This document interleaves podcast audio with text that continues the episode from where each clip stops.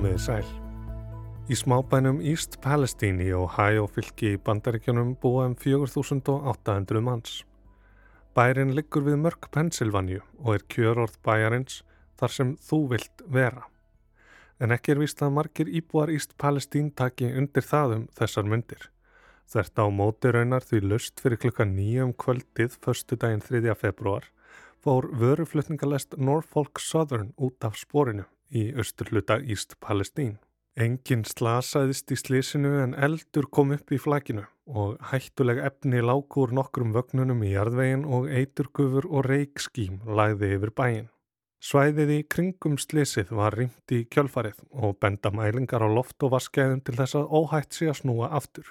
Ekki eru þó öll á eitt sátt við það því sömur íbúana hafa fundið fyrir miklum höfðverkjum og ókliði frá því slísið varð og eru gramir í garð yfirvalda og Norfolk Southern fyrir skort á sörum og aðgerðum.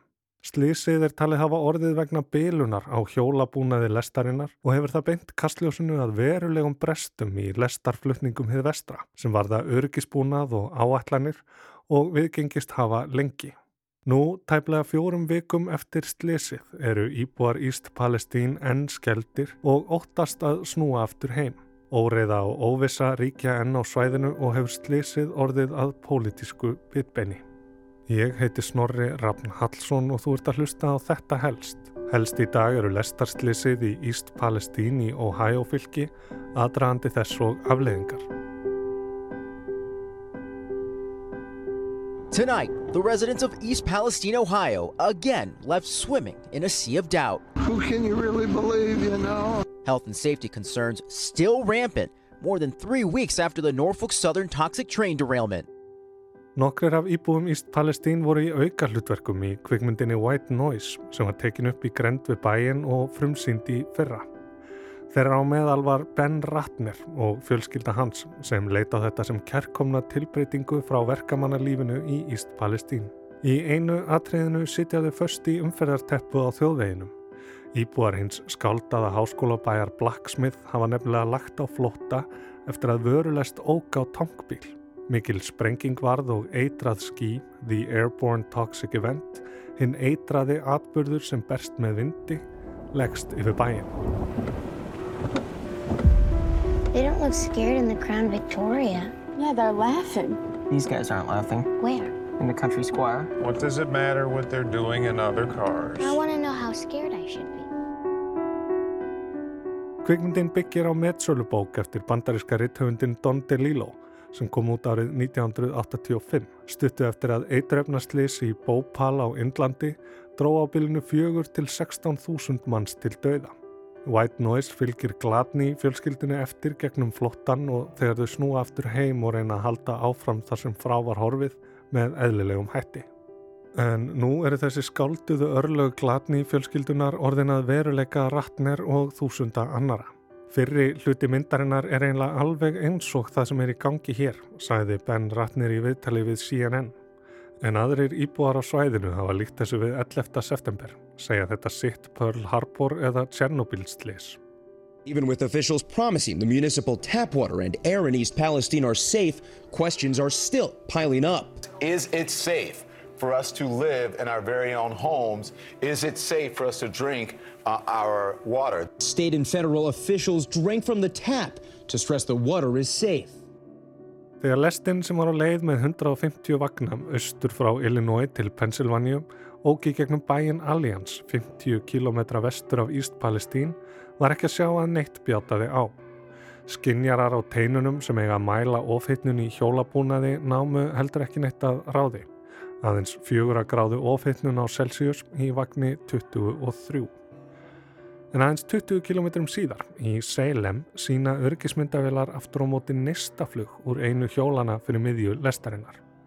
Ofhinninin var þar komin í tæpar 40 gráður. En það var svo þriðji og síðasti skinjarinn rétt fyrir utan Íst Palestín sem gaf til kynna að hér væri heldur betur ekki allt með feldu. Hitin var komin upp í 123 gráður og viðvörunabjöllur fóru að klingja. Lestastjórin brást við undir eins og reyndi að stöðva lestina til að fjarlæga vagnin. Öryggiskerfi lestarinnar greip einni inni, en það var um seinan. Hjólalegan og auksullin í vagninum bilaða gáfi sig og 50 vagnar fóru út af sporinu. Lestin var tæplega 30 km löng og vó 18.000 tonn. Í flestum vögnunum var óskup hættulítill varningur, stál, sement og frosið gremmiti en 20 vagnar inniheldu skadaleg og eldfim efni á borð við vínilklórið, bútil, akrilat og bensól. Og ekki fór betur en svo en að 11 af þessum vögnum voru meðal þeirra 50 sem fóru af teinunum förstudagskvöldið 3. februar. Vínilklórið var í 5 vögnum en það er líkilefni í PFC, pólívínilklóriði sem er eitt algengasta plastefni í heimi. PFC notaði byggingarefni og bílaframlegslu en einnig mikið í lækningavörur, umbúðir og heimilisvörur.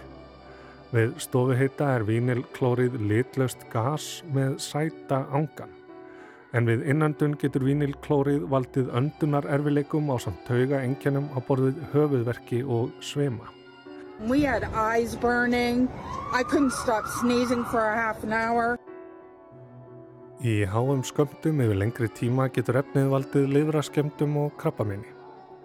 Strax daginn eftir voru viðbræðsaðilar á vegum umhverfisvendastofnunar bandaríkjana mættir á svæðið til að meta ástandið og halda lekanum og útbreyðslu eiturefna í skefjum á meðan slökkulismenn reyndu að ráða niðurlögum eldsins sem upphafði komið við slísið.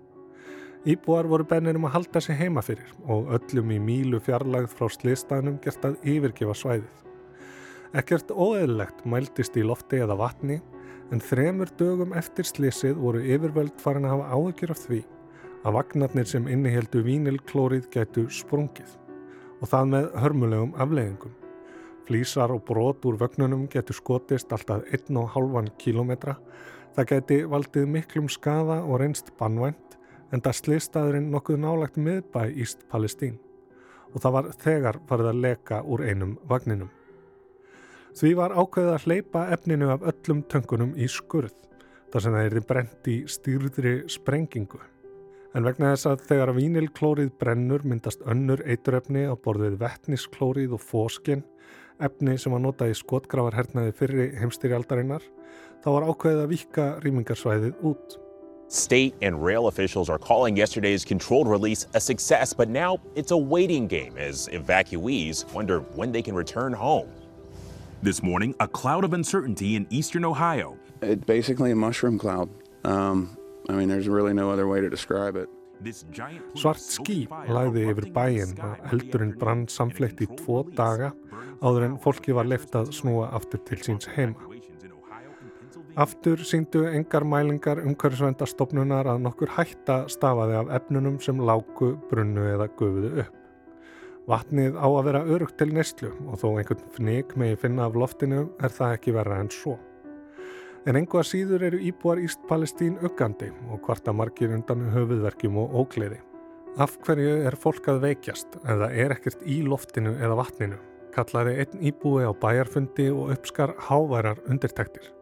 Að auki hafa fundist 45.000 dauðir fiskar í ám og vötnum og svæðinu svo það er enginn förða að íbúar séu skelkaðir.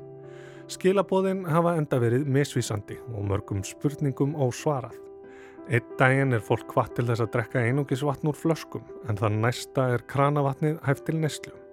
Þann þriðja mætir svo Donald Trump á svæðið með Trump-mertar vassflöskur, kaupir McDonald's handa slökkuliðinu og segir fólki að það sé ekki glengt. Hann muni sjá til þess að réttlætinu verði framfyllt og sökudólkar dregnir til ábyrðar. Donald Trump's visit has the very specific purpose to draw the comparison that he's here and Joe Biden isn't, and also that he can still draw out the crowds even in the worst weather. En þá ætti hann kannski að líta í eigin barm. Árið 2015 setti stjórn Obama reglur um að ákveðnar lestir sem flytja hættulegan varning skildu vera búnar rafstýrðum loftbremsum, en þær geta stitt hemlunar vegalengdir um alltaf 60%. Hefðu svona bremsur dreyið úr alvarleika þessa slis, spurði Stephen Dittmeier fyrir um yfirmaður hjá Járnbrautastjórn bandaríkjana og hann svaraði sjálfur já.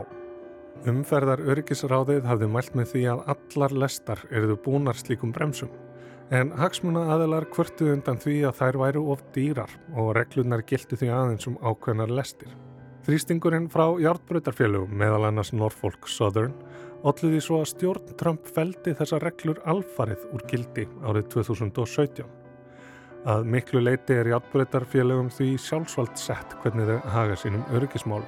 Og meðan umferðar öryggisráðið kallar eftir hertum reglum slakar samgönguráðunitið enn frekar á þeim.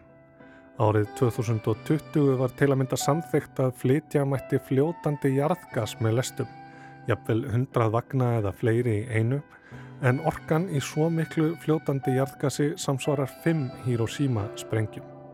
Það er því mikil mildi að lestin sem fór af teinunum 3. februar skildi ekki vera að flytja fljótandi jarðgas. Bein orsök slissins eru hjólið og öksullin sem byluðu en aðrir þættir sem þessir spila inn í. Í ártbröytarstarfsmenn í bandaríkjunum upplifa sér líka svikna af núverandi stjórn Bidens sem hefur sagt standa með verkafólki og verkalýsfélögum en svifti verkalýsfélagi ártbröytarstarfsmanna verkfallsréttinum í desember síðastliðnum. Í ártbröytarstarfsmenn höfðu hafnað kjærasamningi sem þingið kerði engu að síður í gegn. Þau fengu launahækkun en ekkert veikindaleifi og aðrar likil kröfur þeirra til að mynda hvað var þar öryggi voru einnig hunsaðar. Eitt af því sem stjættarfélagin höfðu barist gegn er svo kallað PSR Precision Scheduled Railroading nákvæmlega áætlaður járnbröytar rekstur getið að útlagst á íslensku. Þetta er vinnulag sem járnbröytarfélagin hafa tekið upp undan farin ár þar sem við mæta sífælt meiri samkeppni frá öðrum fraktflutningaleiðum, flugi, trukkum og svo framvegis. PSR gengur út á að hámarka afköst og hagnað með því að líta á hvern vagn fyrir sig í staðin fyrir hverja lest. Leitast er við að hafa sem fæsta starfsmenn og uppröðin vagna ræðst fremur af hagnaðarsjónamiðum og skilvirkni en öryggistáttum. Lestir hafa einnig lengst til muna, hraðin aukist og bara hjá Norfolk Southern hefur starfsfólki verið fækkað um 40% á undanförnum árum. Á landsvísu hefur vestra er fjöldi járnbröytarstarfsmanna í sögulegu lámarki og fór undir 200.000 eftir miklar uppsagnir á árunum 2018 og 2019 þegar PSR náði sem mestri útbreyslu. Á sínum tíma störfiðu miljón manns hjá járnbröytarfélagunum. En einungi strengt var um borði 30 km langri lestinni sem fór út af sporinu í Íst Palestín og var slísið í raun aðeins tímaspursmál. Lestarslísum hefur enda farið fjölkandi eftir að PSR var tekið upp. Hefði lestin verið komin aðeins lengra á leið þegar hún fór út af hefði slísið getað orðið í miðborg Pittsburgh í Pennsylvania, kjarna 300.000 manna borgar.